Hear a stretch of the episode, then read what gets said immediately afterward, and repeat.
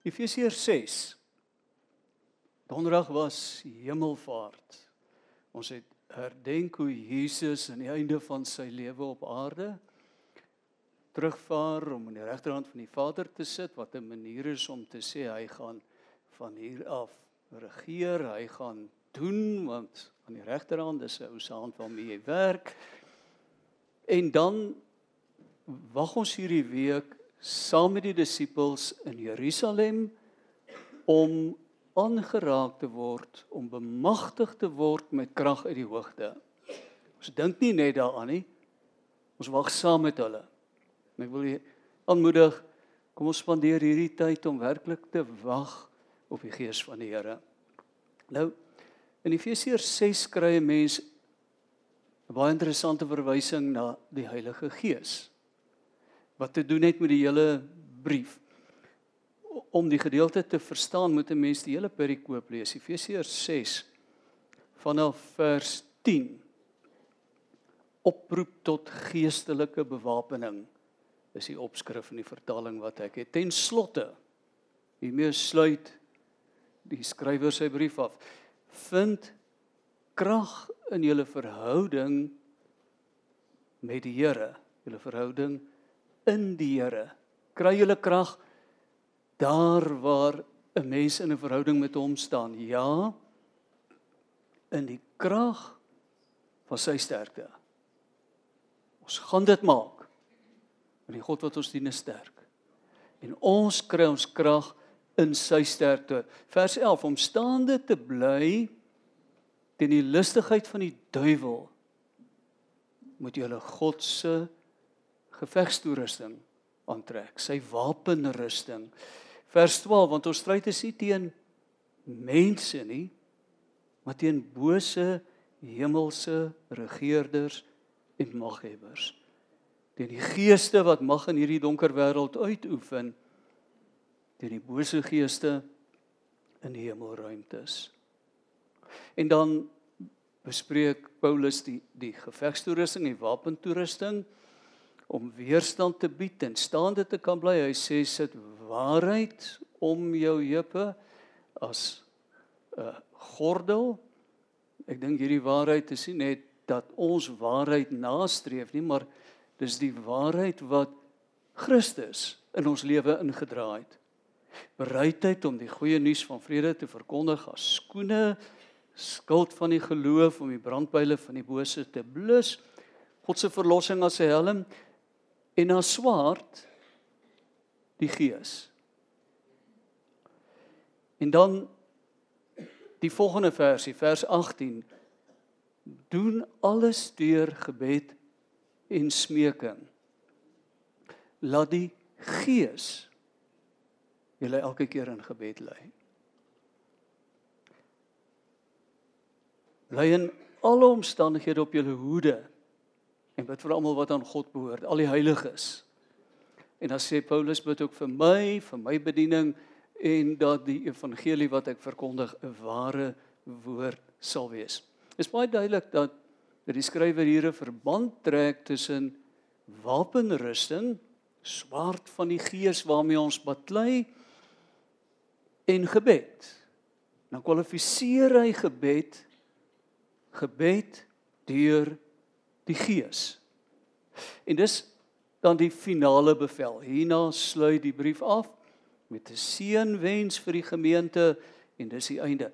Maar dis baie strategies geplaas hier heel aan die einde asof die skrywer wil sê en na alles wat ek gesê het is dit die heel belangrikste. Wat het hy gesê? Hy begin in hoofstuk 1 vers 3 en hy kondig die tema aan van die eerste deel van sy brief. Prys ons goeie God die Vader van ons Here Jesus Christus voortdurend want hy's wonderlik goed vir ons. Deur wat Christus gedoen het, het hy al die geestelike skatte wat daar in die hemel is verniet vir ons gegee. Luister mooi. Ons het al die geestelike skatte wat in die hemel is reeds hier op aarde. En dan gaan hy nou voort. Hy sê waaruit bestaan hierdie skatte? Dis waaroor hoofstukke 2 en 3 gaan. Hy sê God het ons onmeetbaar lief. Alhoewel ons dood was in ons sonde en ons geskeidenheid van God, het hy ons kom red.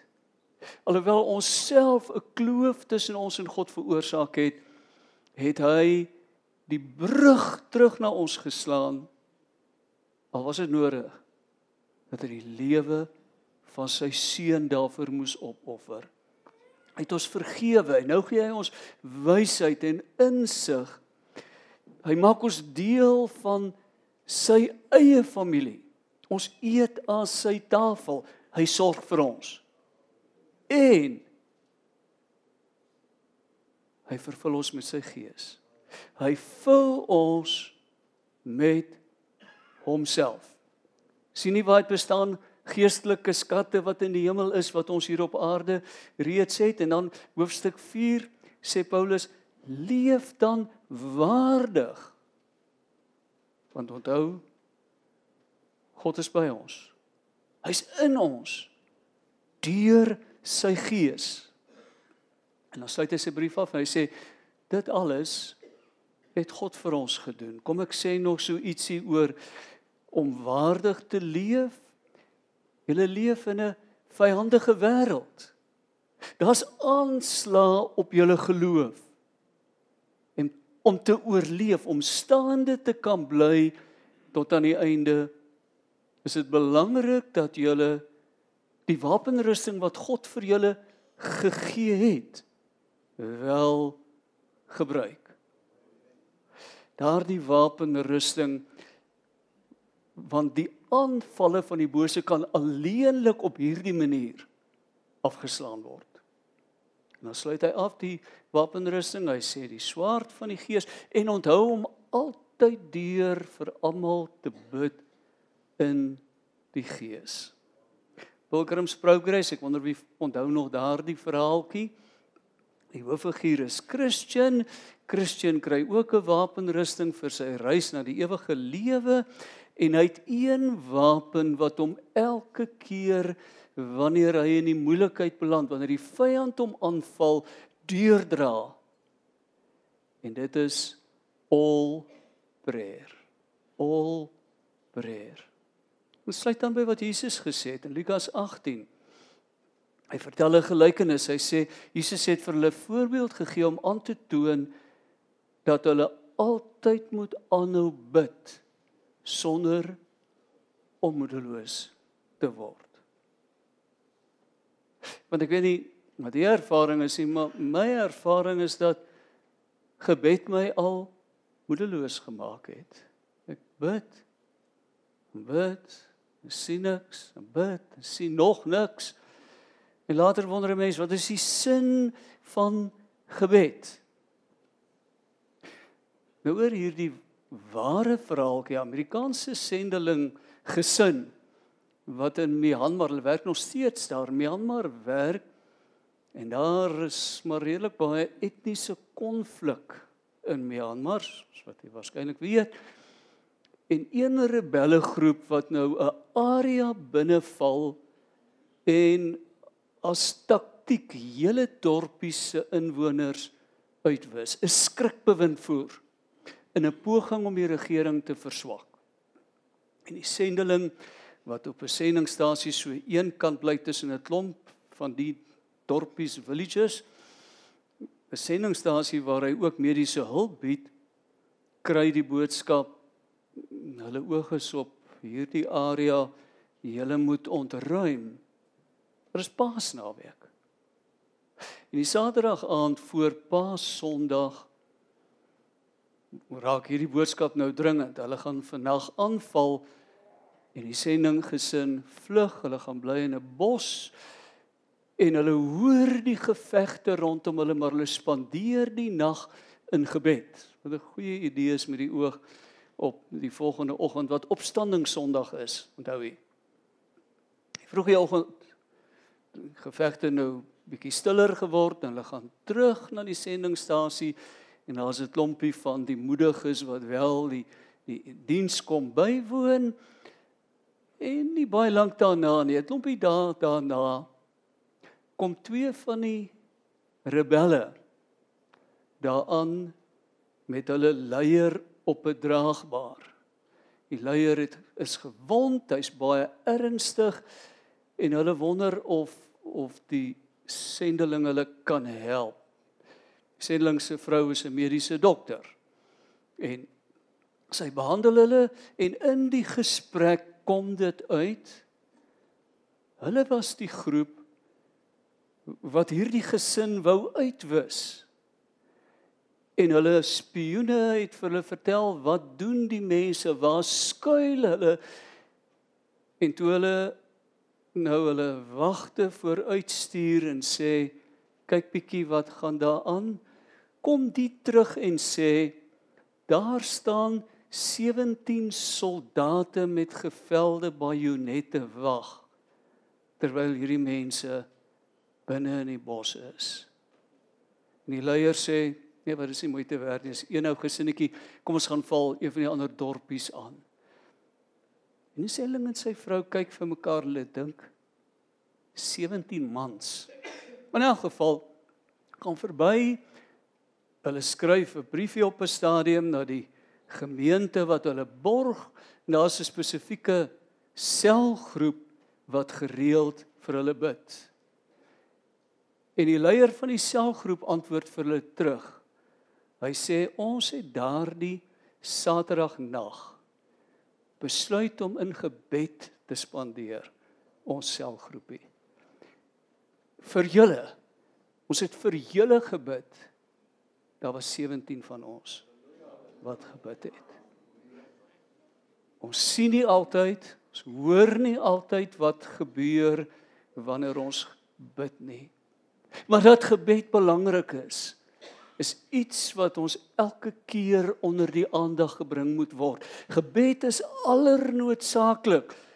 Dis die asemhaling van ons geestelike lewe. Ons het dit vanoggend gesing op. Dis die asemhaling. Wat gebeur as 'n mens lank genoeg jou asem ophou? Jy raak duiselig. En as jy nog veel langer probeer dan val jy om. Wat gebeur as jy geestelik asem ophou? presies dieselfde. Wanneer ons bid, vestig ons kommunikasie tussen hemel en aarde. En die krag wat God kenmerk word ons deel. Want hy is die bron van lewe en van krag. En dis sy gees wat met ons self kommunikeer. Nou is daar een woord wat wonder of jy dit opgemerk het in vers 18 vier keer gebruik word. Doen alles deur gebed en smeking. Eilik staan daar bid elke gebed. Laat die Gees julle elke keer alle tye in die gebed bly. Bly. Bly in alle omstandighede op julle hoede en bid vir almal wat aan God behoort. Ons hele lewe dis die indruk wat ek hier kry moet gefokus wees op gebed. Wanneer ons met mense te doen kry, dan word hulle deel van waaroor ons bid. Is suits prakties moontlik. Jesus sê volgens Lukas 21 vers 36 Wees waaksaam en bid altyd deur. Hoe kan 'n mens altyd deur bid as jy besigheid het en baie ander dinge wat jou aandag aftrek? Ek dink hier lê baie groot geheim. As 'n mens dink aan twee mense wat lank en gelukkig getroud is. Kry mens nog mense wat lank en gelukkig getroud is. Dan dink ek is daar 'n sekere iets wat jy in hulle lewe gaan waar neem. Ek dink 'n mens kry baie sulke mense. Mense wat vrede gemaak het dat die keuse wat ek gemaak het toe ek 21 of 24 of 30 was die regte keuse was al lyk sy nie meer soos ek gedink het sy moet lyk nie. En al tree sy ook nie altyd op soos ek wil hê sy moet optree. Maar daar's daar's iets wat 'n mens kan waarneem by hierdie twee mense. En en, en dis die grondslag van die sukses van hulle verhouding. Dit is dat hulle mekaar in alles wat hulle sê besluit en doen in ag neem. Maak dit sin? Hulle is bedagsaam selfs al is my maat nie by my nie, is my maat veilig. Sal ek my maat se belange ten alle koste beskerm. Want daar's een faktor wat ek deurgangs in gedagte hou as ek my lewe lei en dit is dat ek getroud is. En dat ek getrou is aan my lewensmaat. Toegepas op om altyd deur te bid. Dink ek dit lyk dit dit klink iets na die volgende dat jou verhouding met die Here vir jou so belangrik is dat jy ook sleuteltye aan gebed spandeer afsondering dat jy die Here jou dag indra. En as 'n mens met iemand te doen kry, dan luister jy baie mooi want jy het agtergekom mense word soms 'n verlengstuk van die Here. Jy loop by iemand verby wat jy nie ken nie wat jou vriendelik groet. En jy beleef iets van die teenwoordigheid van die Here. Jy hoor 'n voël sing of 'n 'n klein ding wat lag en dit gryp jou aan want jy besef die wêreld waarin ek leef is gevul met die Here. Wanneer jy 'n moeilike besluit moet neem, wanneer jy 'n saak deurdink, dan bring jy daardie een faktor elke keer in. Here, wat sou u? Hoe dink u hieroor? Dit maak die verskil in 'n mens se lewe. En dit vermoed ek is wat dit beteken om altyd deur te bid. Om te leer om jou lewe met die Here te dink, te deel, om oor jou uitdagings, oor jou lewe, jou probleme, jou besluite te dink en en hom in te dink, hom te verreken daarin. Probleem by die huis. Ons is gelowige mense, kom ons bid daaroor. Kom ons vra die Here om vir ons wysheid te gee. En partykeer gebeur daar iets. Ek onthou dat ek eenmal baie ernstig vir 'n kind van my gebid het. Die ding het nie vreeslik ore gehad op 'n stadium nie en hoe langer ek vir hom bid, hoe meer het ek onder die indruk gekom. Die Here het nie vir hom iets te sê nie. Hy's besig om vir my iets te sê. Hy's besig om iets in my hart te werk en uiteindelik kon ek opstaan en anders optree teenoor my kind en dit het die verskil gemaak. Want jy sien, Ons bid dikwels vir 'n antwoord en besef nie ons is 'n belangrike element in daardie antwoord nie. In die eerste plek bid altyd deur, bring die Here in berekening. Ek gaan nou-nou terugkom na daardie hoe word ek deel van die oplossing. Ek wil net nog dit ook sê, dit open ook 'n mens se oë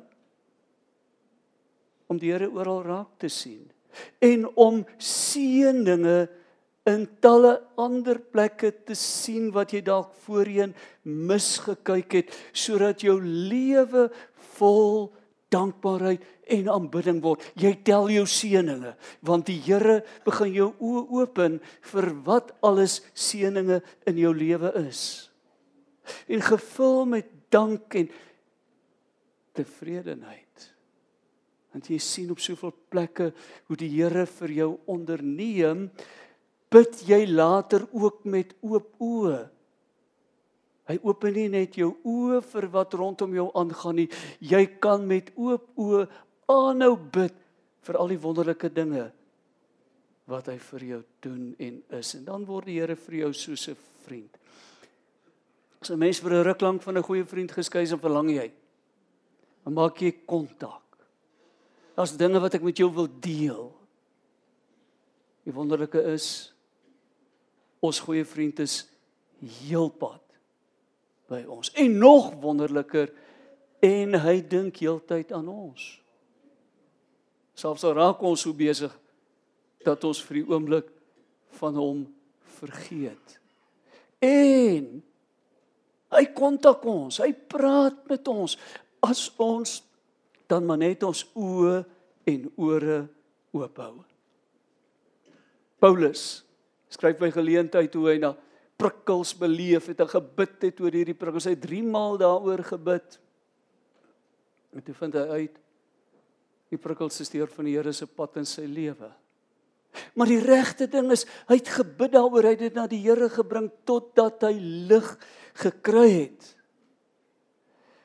Want gebed, 'n lewe saam met die Here help jou om deur die siklus van selfgesentreerdheid en selfsug te breek.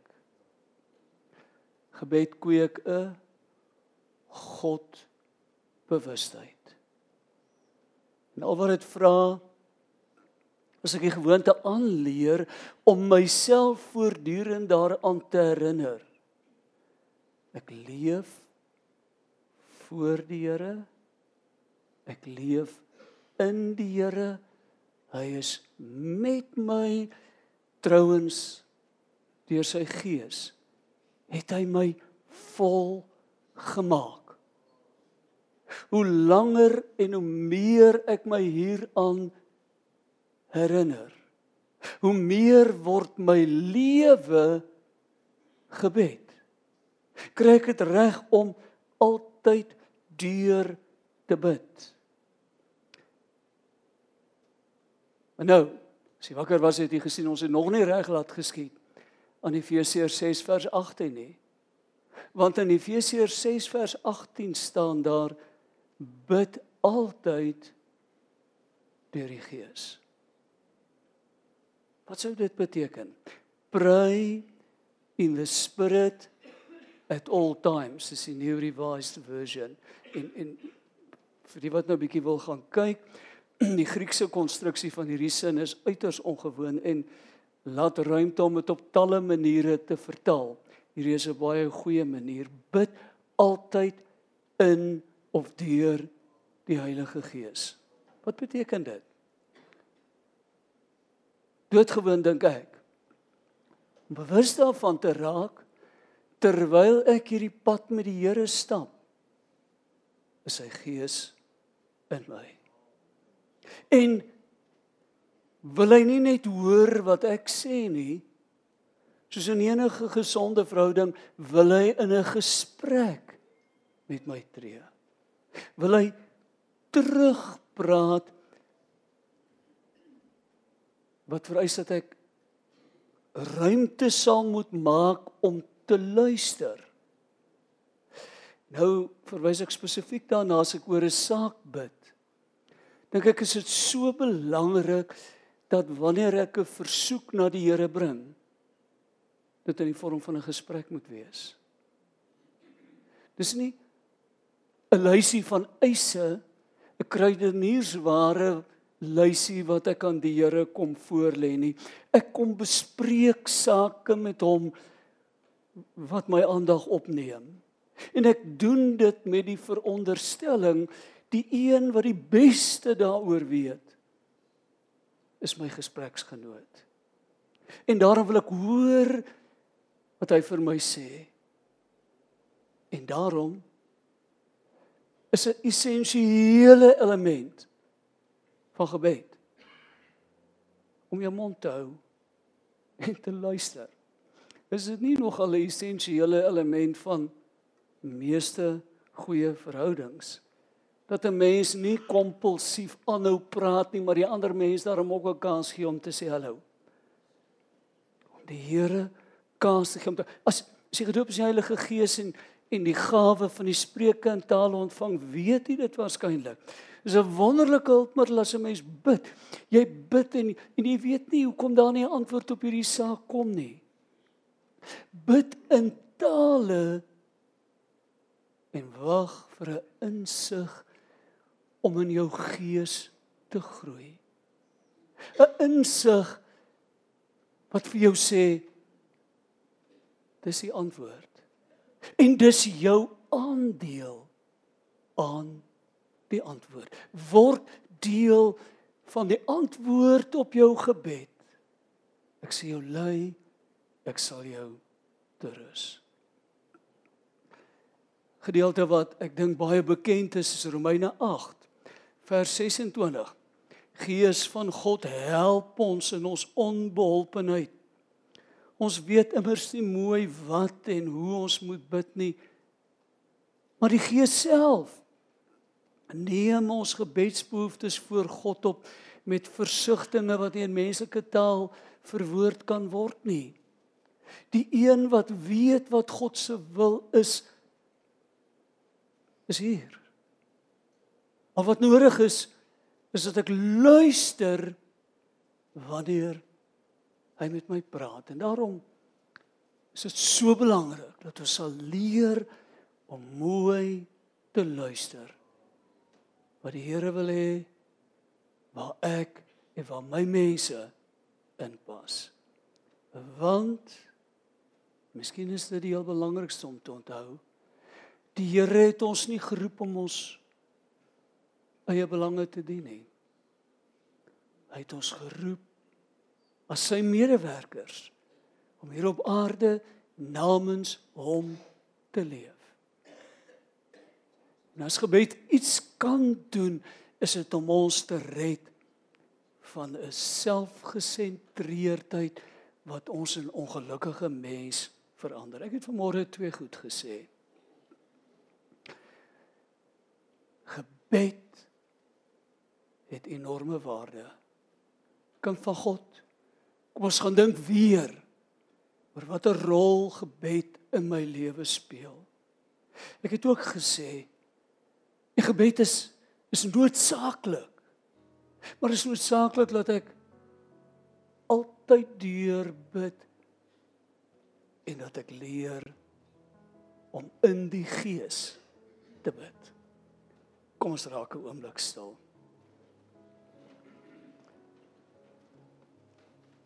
Here voor 'n mens 'n mediese dokter kan word, moet jy dan eers 'n bietjie leer voor jy loods van 'n vliegtyg kan word. Moet jy eers 'n paar eksamens aflê. Ja, voor jy 'n motor kan bestuur. Meeste van ons werk vereis opleiding. Kom lei ons op om ons lewe in 'n verhouding met U te kan bedryf. Kom lei ons op sodat ons mense van gebed kan word. Mense wat deur gebed God se verandering in hierdie wêreld word. Dit bid ek in Jesus se naam.